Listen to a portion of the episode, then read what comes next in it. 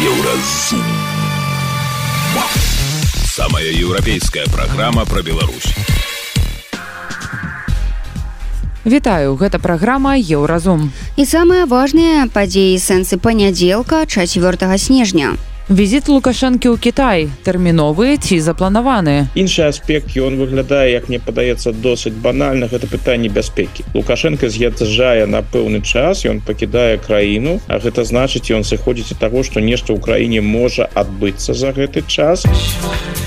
Блін, чаго ты такі нервовы? Як паводзіцца з блізкімі, якія вярнуліся з калоніі? Стоит ли лезть в душу с тем, как ты что ты чувствуешь, что ты переживаешь?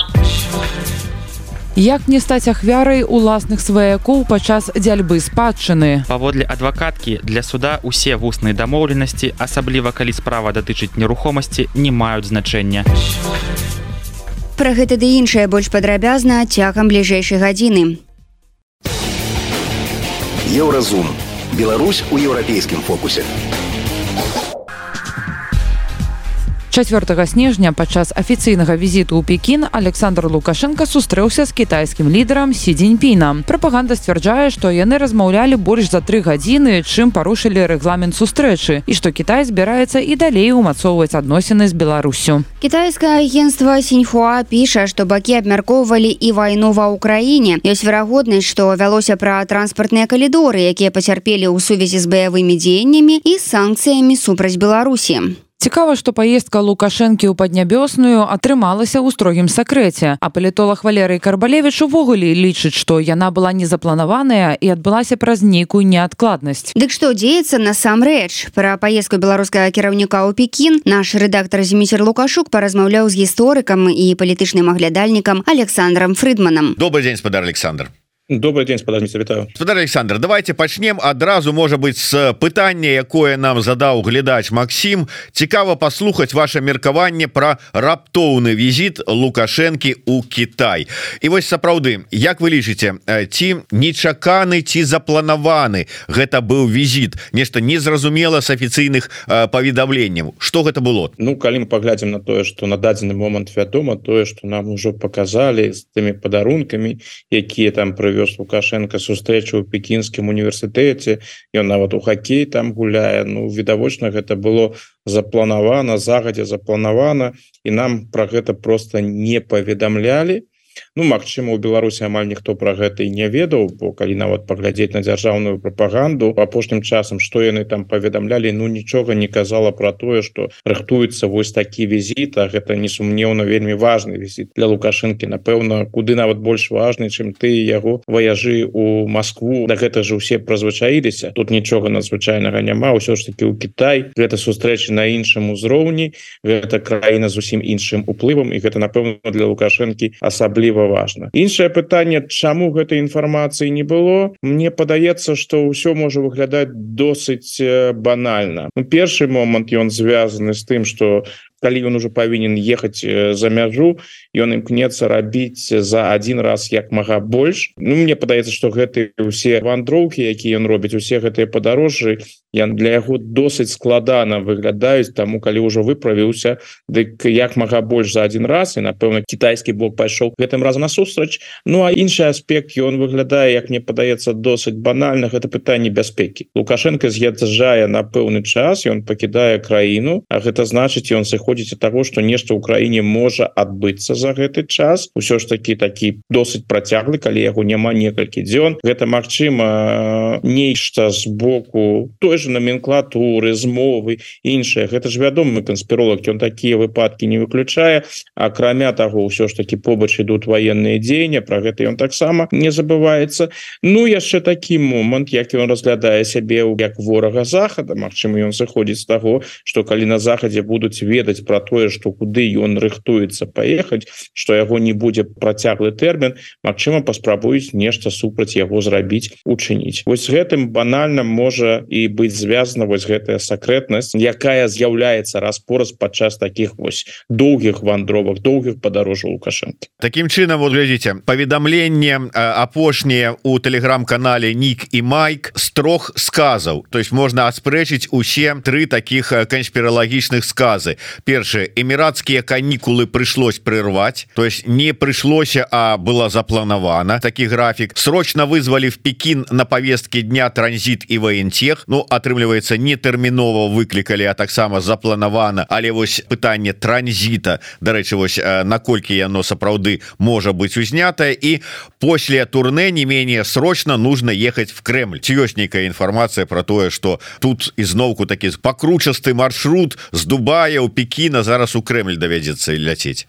Ну давайте пачнем з крамля. Я думаю что ў гэтым месяце лукашенко яшчэ туды сапраўды поедзе па-першае ён гэта робіць амаль кожны месяц. А по-другое наколькі я разумею Путина есть такая традыцыя запрашаць усіх лідараў краін СНД Ну сярод тых хто яшчэ ездзіць у Москву Так что я думаю что лукашенко яшчэ ў гэтым месяцы у апошнім месяцы года у Россию сапраўды поедзе у якой ступені гэта будзе звязано с Китаем Ну паглядзім. Калі ён сапраўды зараз вернется і накіруецца туды ў Россию Ну тады можна будзе сыходзіць з того что сапраўды нешта ёсць. Можа все і абмяжуецца там телефонной размовай паміж ім і Путиным я шчыра кажучы не думаю что китайскі бок выкарыстоўвае лукашенко нейкім чынам як канал камунікацыі з крамлем калі яны жадаюць размаўляць з Россией яны размаўляюць без пасярэдніка. Тут ім лукашенко лукашенко відавочна не патрэбны другі момант які звязаны з мяжой Ну гэта цалкам можа быть гэта ж важное для Китая пытанне. Шэраг пытанняў які абмяркоўваліся ён фактычна не акрэслены.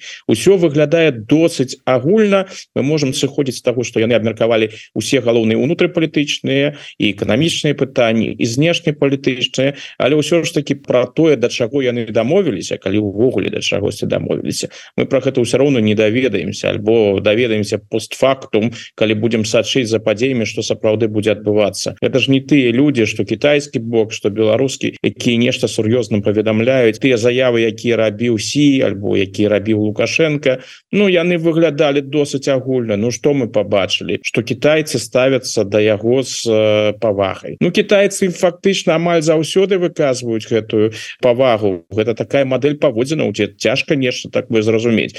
Фактычна эмоцыі там амаль не показваюцца Ну пачулі тое что ён сказаў як адрэагуюць іншае пытанне сам лукашенко сваю прыязнь выказваў яму трэба было показать наколькі важны яму Кітай і там было бедавочна іерархічныя ўзаемаадносіны что вось ён лукашенко прыехаў да вялікага сябра ганарыцца тым что ён ну там увогуле у Пекіне прысутнічае что для яго знайшлі час і нават вось была формулёўка у лукашэнкі. Ён рыхтаваўся до да гэтага візіту. Калі вось пачуць про што ён с Путиным гаворыць там мне падаецца ніколі не было что каб ён подкрэсліваў Вось я падрыхтаваўся до да візіту прыехаў до да сябра прыехаў до да брата А тут відавочна рыхтаваўся. Что ж яшчэ тычыцца вось гэтага пытання что яны яго выклікалі? Ну не выглядае что яны яго так ужо выклікалі. Напэўна там были пэўныя дамоўленасці что напрыканцы году ён прыедзе Мачыма ён сам хотел туды проехать і китайцы пагадзіліся яго прыняць Ну а вось калі паглядзець на гэтые вострые пытанні тое ж пытанне мяжы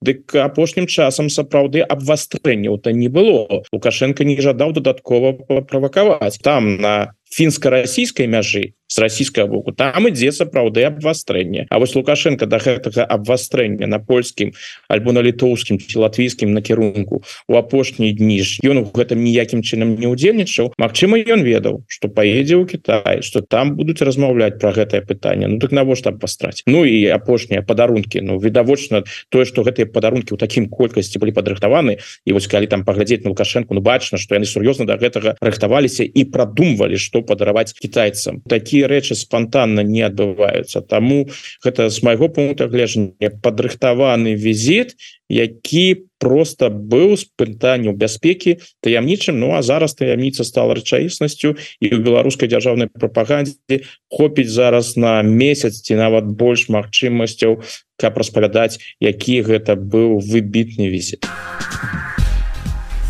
Працягваем размову з Александром Фрыдманам. Але глядзіце я чытаў про тое что нават там ну лідарам сапраўды таких краінаў паважных і значных кшталту ну той же самой Францыі.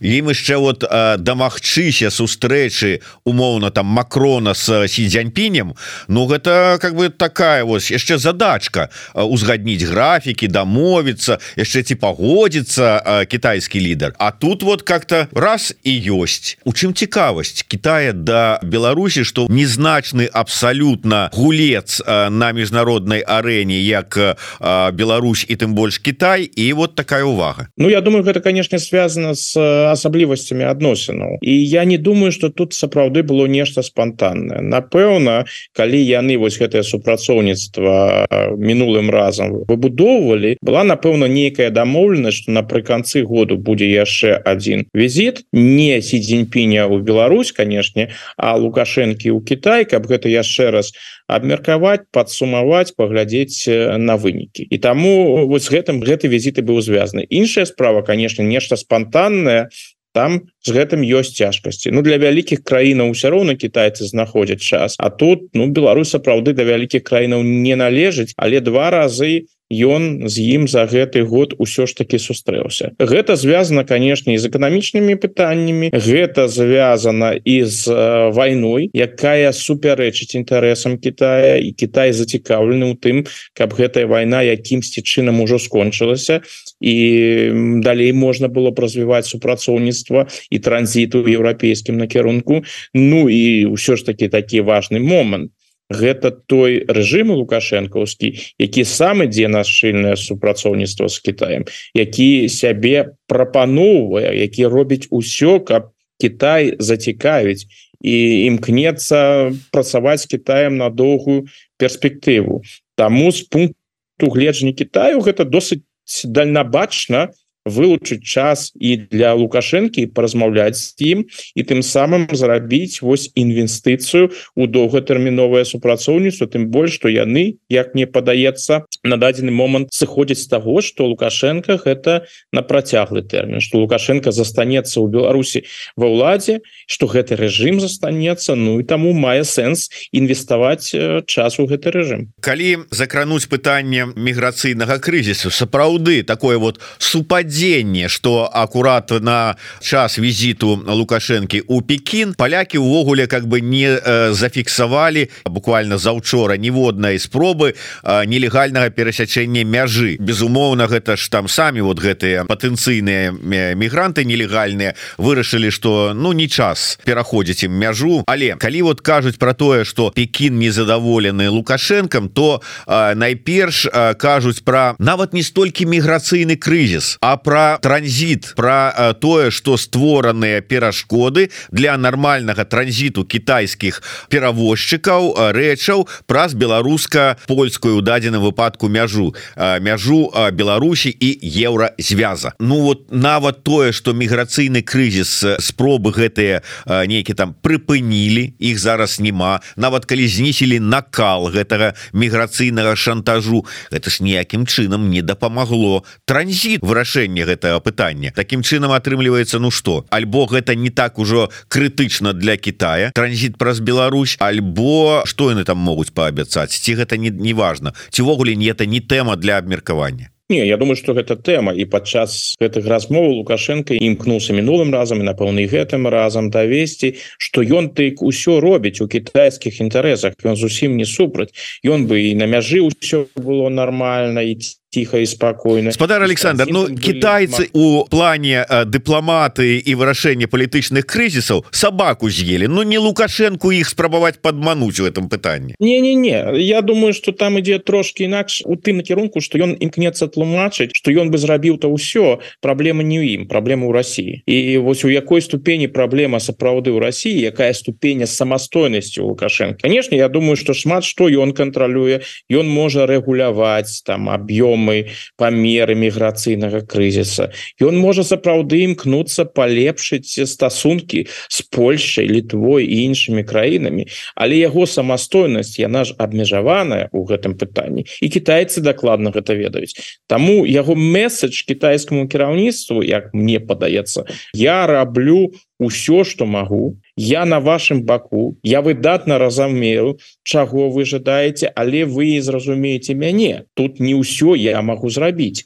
І вось ці верыць кітайскі бок у гэта ці не Ну гэта ўжо іншае пытанне. Что тычыцца мігрантаў ён себе показаў так бы мовіць зараз для Китая з лепшага боку. Вон у яго на мяжы ўсё досыць спакойна у дадзены момант я подкрэслю у дадзены момант спакойна А вось там Фінляндыя Россия Эстонія Россия выглядае напружана Так что гэта вось такі месаж які ён даводзіць і мне падаецца что Китай успрымае яго у значнай ступені праз прызму России. Ну гэта ж вядомая китайская дыскусія. Она была і 20 у 21 годзе нават там китайскія эксперты спрачаліся на гэты конт як ставіцца вось до таких рэжымаў як лукашэнкаўскі. Это постсоветская прастора. У таких рэжымаў ну асабліва лукашэнкаўскага абсалютна асаблівыя адносіны з Россией вельмі шчыльныя адносіны з Россией трэба гэты расійскі фактор улічваць? Альбо трэба вывести Россию ну максімальна задушки иметь справу напрамую з гэтымі рэжымамі? То расійскі фактор яны улічваюць Хаця вось что насамрэч было цікава у сидзеньпіна я іншага і не чакаў у лукашэнкі. Сярод усяго того что мы зараз пачулі ад лукашэнкі тое что яны прадэманстравалі у тэкставай версіі альбо з гукам выказванняў про Россию не было увогуле ён імкнуўся прадэманстраваць сваю самастойнасць і показать китайцам Вось я на вашем баку за вами будучыню я хочу з вами супрацоўнічаць і мы можем супрацоўнічаць без расійскага фактора Ну ці пожадаюць китайцы так шчыльна супрацоўнічаць не улічваючы расійскі фактор? Тут я не упэўнены Гэта быў гісторык і палітычны аглядальнік Александр Фрыдман, які патлумачыў, чаму Кітай зацікаўлены Беларусю і чаму візіт Лукашэнкі ў Пекін быў акутаны таямніцай. Еўрарадыё кропка FM.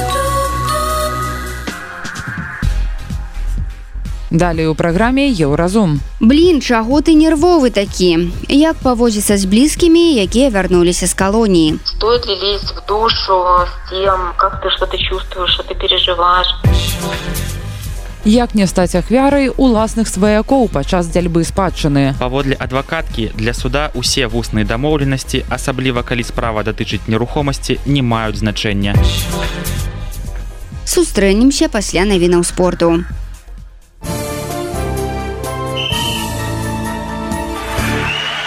На еўрарадыё навіны спорту. Адбылося лісаванне пераходных матчаў за права выступаць у вышэйшай лізе футбольнага чэмпіянату Беларусі.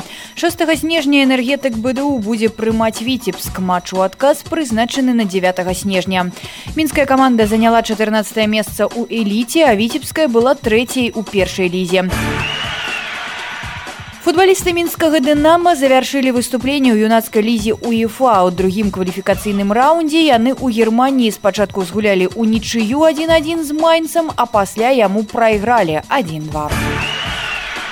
23гадовы паўабаронца батэ валерый бачароў прыцягне кар'еру ў расійскім клубе урал піша трыбуна. Мінулы сезон ён правёў з капітанскай павязкай. У 36 матчах забіў тры галы хакеісты мінскага дынамы спынілі серыю паражэнняў у чэмпіянаце кхл у омску быў абыграны авангард 31 дынамаўцы захоўваюць за сабой восьмае месца ў заходняй канферэнцыі. Наступны сапернік у гасцявой серыі сібір з новосібірска у У 12 туры чэмпіянату Беларусі па гандболе лідары атрымалі перамогі. Мяшкоў Брест выйграў у БДУФК СК 3629, а СК у Гомеля 4130. Армейцы па-ранейшаму адстаюць ад брэсцкай каманды на два ачкі.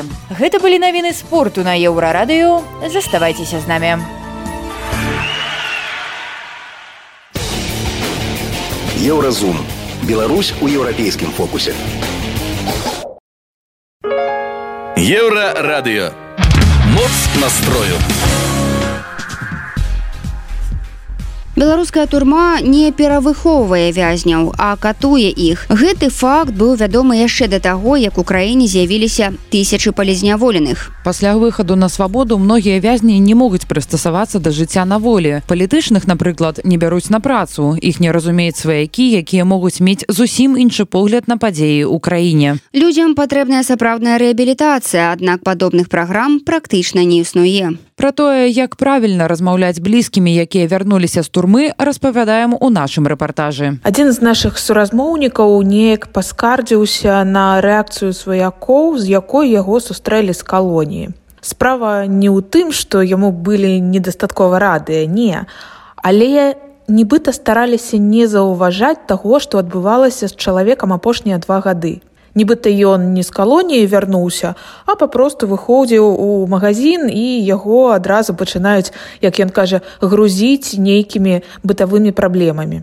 Мы спыталі псіхолага Лілію Ахрэмчык пра тое, як паводзіць сабе з людзьмі, якія доўгі час правялі ў месцах зняволення і былі асуджаныя па палітычных матывах то бок несправядліва. Когда человек выходит, первая задача родственников создать ему эту самую безопасную среду дома. То есть здесь имеется в виду и физическая безопасность, и э, психологическая безопасность. Ну, физическая имеется в виду, я, конечно, не призываю всех уезжать, да, но может быть, если вы знаете, что там к вам приходили и были обыски и так далее, что может быть какая-то конкретная квартира, она уже реально становится небезопасной, да, что может быть стоит жить у каких-то родственников там или, не знаю, на деревню к дедушке, к бабушке там, ну, условно, да, то есть нужна какая-то, ну, относительно безопасная среда. Плюс к этому, а, конечно, важно подчеркивать, что человека ждали. Потому что если он вернется, это все у него была своя комната, он вернулся, вся комната переклеена, там уже живет, не знаю,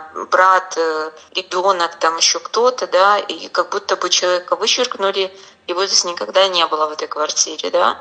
Это тоже не очень приятные такие переживания, ощущения.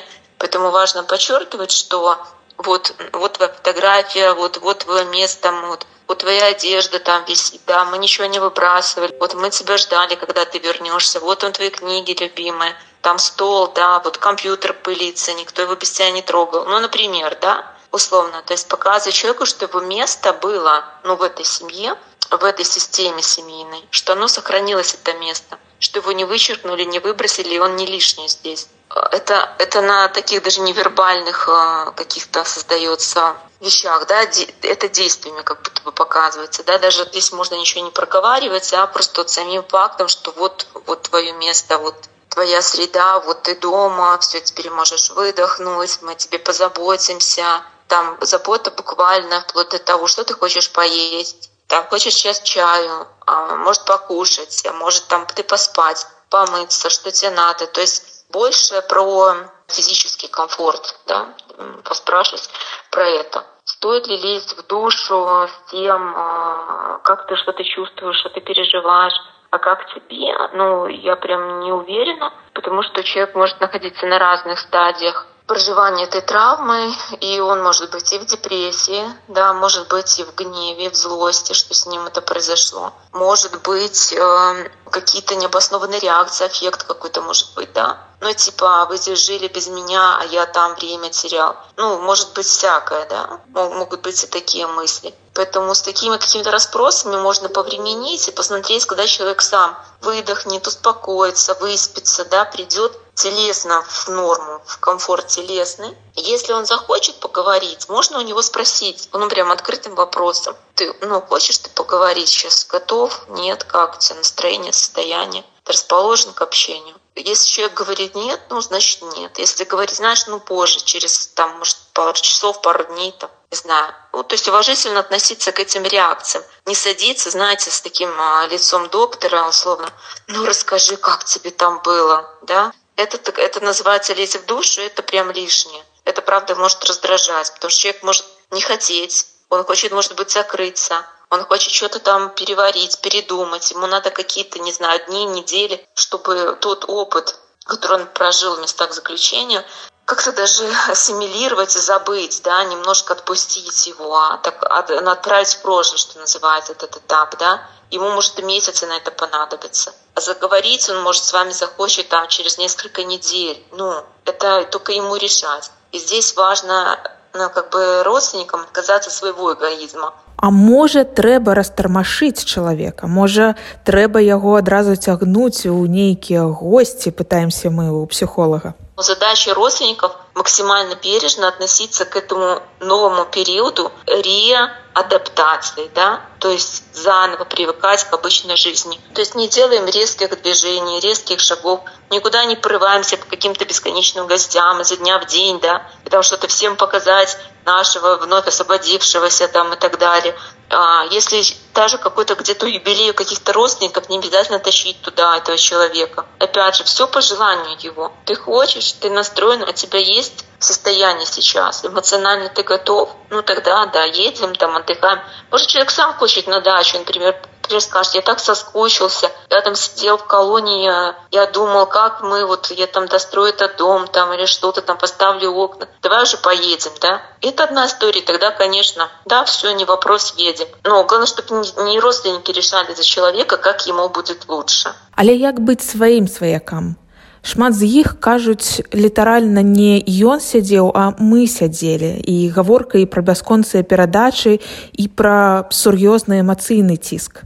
Як спраўляцца самим близким? Получается некоторое разрушение границ, да, мы как будто бы одно целое, куда-то какой-то там одной цели идем к освобождению. А потом, когда человек выходит, обнаруживается, что мы не одно целое, что все-таки мы разные люди, да. Угу. И он вышел изменившимся, и с каким-то другим уже, может, даже характером, да, с какими-то другими чертами, может быть. И э, не таким, как в нашей голове он уже предстает перед нами, да. И здесь тоже может быть разочарование, что мы-то помним одного человека, а сейчас перед нами другой человек. И тоже может быть какие-то потрясения в связи с этим. Ну, наши личные, собственные. Угу. Ну, что я могу сказать? Здесь только осознанность поможет. То есть не слепо вот это раздражение выливать. Какой-то ты не такой ты какой-то другой стал. Но человек же не виноват, что он другой стал, правильно? Его среда подтолкнула к тому, чтобы он изменился. Он бы рад не меняться, но, к сожалению, да? Угу. А вот такое личное раздражение, что ты что ли нас не любишь, или мы что, зря для себя старались. Ну, понятное дело, что этому всему, ну, таким упреком, э, прям вот в момент выхода не место. Потому что, мне кажется, человек, который выходит, он не сильно в состоянии что-либо отдать. Здесь надо очень понимать, что это моральное истощение, ну, места заключения. Если вот тех, вот те, кто на свободе, ну, будем честны, да, даже если мы условно сидели вместе, ну, как говорят родственники, мы все-таки не сидели вместе. И быть на свободе, быть в заключении – это разное проживание э, приговоров, правильно? Конечно. Будучи даже родственником заключенного и э, пробивая вот эти стены, пиша письма, получая отказы, возвращая ну, посылки, не принимают и так далее, мы все равно имеем возможность выйти погулять. Не в рамках э, вот дворика, да, мы можем куда-то выехать к морю, к озеру, в лес ходить, грибами подышать, да, мы можем сходить в зал, в там спортивный зал, в кино, в ресторан. Мы можем наполняться, правильно? Наши сидения разные все-таки. Еврорадио. Твоя улюбленная хваля. Далей у праграме еўразум. Як не стаць ахвярай уласных сваякоў падчас дзяльбы спадчыны. Паводле адвакаткі для суда усе вусныя дамоўленасці, асабліва калі справа датычыць нерухомасці, не маюць значэння. Сустрэнемся пасля навінаў шоу-бізу. Еўрарадыё. Твоя улюбёная хваля. Шоу-біз. Шоу-біз.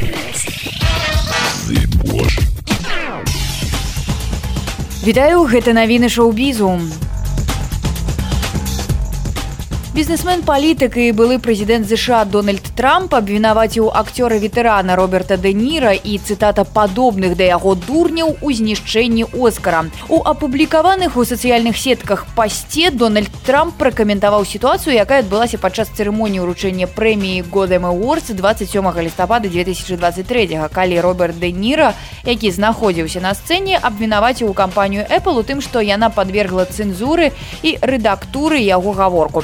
Па словах акцёра з яго першапачатковага спіча былі выдаленыя выказванні на палітычныя тэмы якія тычацца ў прыватнасці дональда трампа. Трамп лічыць што выпад акцёра чые таленты ў апошні час паблеклі а рэпутацыя падмочана і які выкарыстоўвае нецэнзурную лексіку са сцэны дэманструе непавагу да ЗША дональд трамп ускладае адказнасць у тым ліку і на роберта дэніра за тое што некалі папулярнае шоу оскар ператварылася ў другараднае дзейства з нізкім рэйтынгам. Былы прэзідэнт заклікаў двухразовага лаўрата прэміі оскар навесці парадак у сваім уласным жыцці і не лезьце ў чужы агарод эпічны і псеўдагістарычны фільм наполеон брытанскага рэжысёра рыдлі скотта праваліўся на кітайскім рынку. У свае дэбютныя выходныя карціну якой галоўную ролю адыграў лаўрад прэміі оскар хакен фенікс заняла толькі пятое месца ў нацыянальным пракаце. Сярэдняя адзнака гледачоў на фан-сайце дубан склала 6,6 бала а па дадзеных кампаніі маўян якая прадае квіткі і збірае статыстыку две траціны гледачоў наполеона ў кітаі а апынуліся мужчынамі. Гэта значыць гісторыя кахання французскага военачальніка і імператара да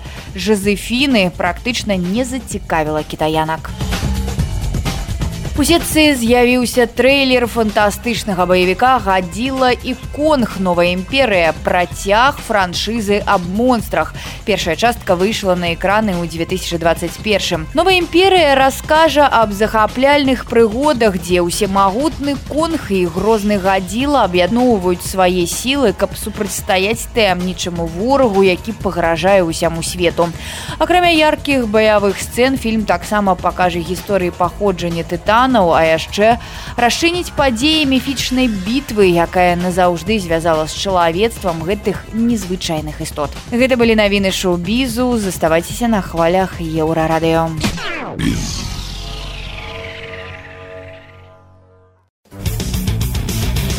Еўразум жыві ў рытме Еўропы.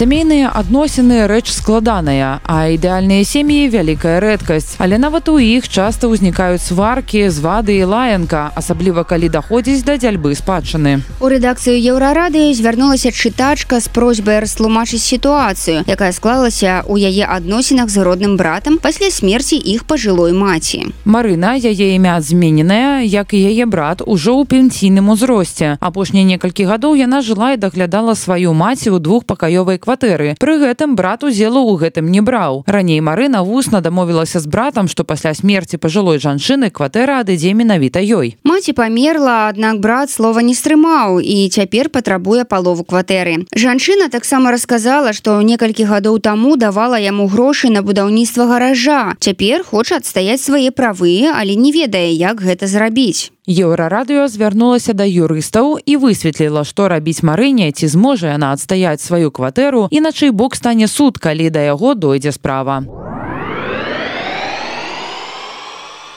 юрыстка александра імя змененая расказала што калі спадчынадавец то бок маці марыны і яе брата не пакінуў тэстамента то спадчыну дзеляць по законе дзеці спадчынадаўца цягам 6 месяцаў абавязаныя звярнуцца ў натарыальную кантору па месцы рэгістрацыі памерлага падаць заяву пра уступленне ў спадчыну. Па заканчэнні паўгода яны абодва атрымліваюць пасведчанне пра права на спадчыну па палове доле кожнаму на кватэру. Юрыстка адзначае што калі няма тэстамента то вусныя дамоўленасці не будуць мець ніякага значэння з пункту гледжання судовай спрэчкі яны бескарысныя нават калі сын не дапамагаў даглядаць маму. Чыста па-чалавечы вядома што яна мае больш правоў на гэтую кватэру. Але для закона гэта не важна. Тое самае датычыць і грошай якія яна давала яму на будаўніцтва гаража. Калі няма распіскі то нічога даказаць не атрымаецца. Пры умове калі спадчынадаўца ўсё ж склаў тэстамент на карысць дачкі то паводле адвакаткі сын пазбаўляецца права на кватэру. Але паколькі абодва абодва спадчыннікаў пенсіянеры сітуацыя складзецца па-іншаму. У гэтым выпадку сын незалежна ад зместу тэстамента будзе мець права на абавязковую долю. Абавязковая доля разлічваецца з усёй спадчынай маёмасці. І калі гэта толькі кватэра то сын зможа разлічваць мінімум на палову ад таго што яму належала па законе. Іншымі словамі на одну чацвёртую ад плошчы кватэры. Паводле александры калі мужчына палічыць сябе пакрыўджаным што яго не ўключылі ў спадчыннікі то дамагчыся чаго-небудзь праз суд будзе вельмі складана Ён можа зрабіць упор на тое, што маці не ўсведамляла сваіх дзеянняў, складаючы тэстамент і звярнуцца ў суд з мэтай аспрэчыць дакумент. Але для гэтага неабходныя медыцынскія звесткі, якія пацвердзілі, што спадчынадаўца сапраўды была не ў сабе.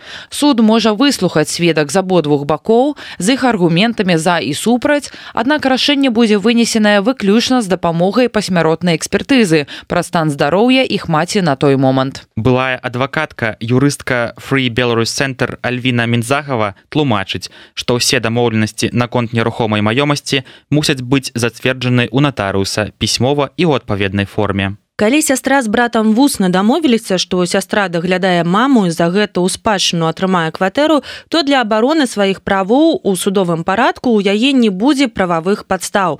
Па факце уласніцай кватэры была мама і ў момант смерці адкрылася спадчына на ўсю яе маёмасць паводле адвакаткі для суда усе вусныя дамоўленасці асабліва калі справа датычыць нерухомасці не маюць значэння бо іх нічым нельга пацвердзіць Каб пазбегнуць такой сітуацыі можна заключыць дамову пажыццёвага ўтрымання яшчэ пры жыцці спадчынадаўцы.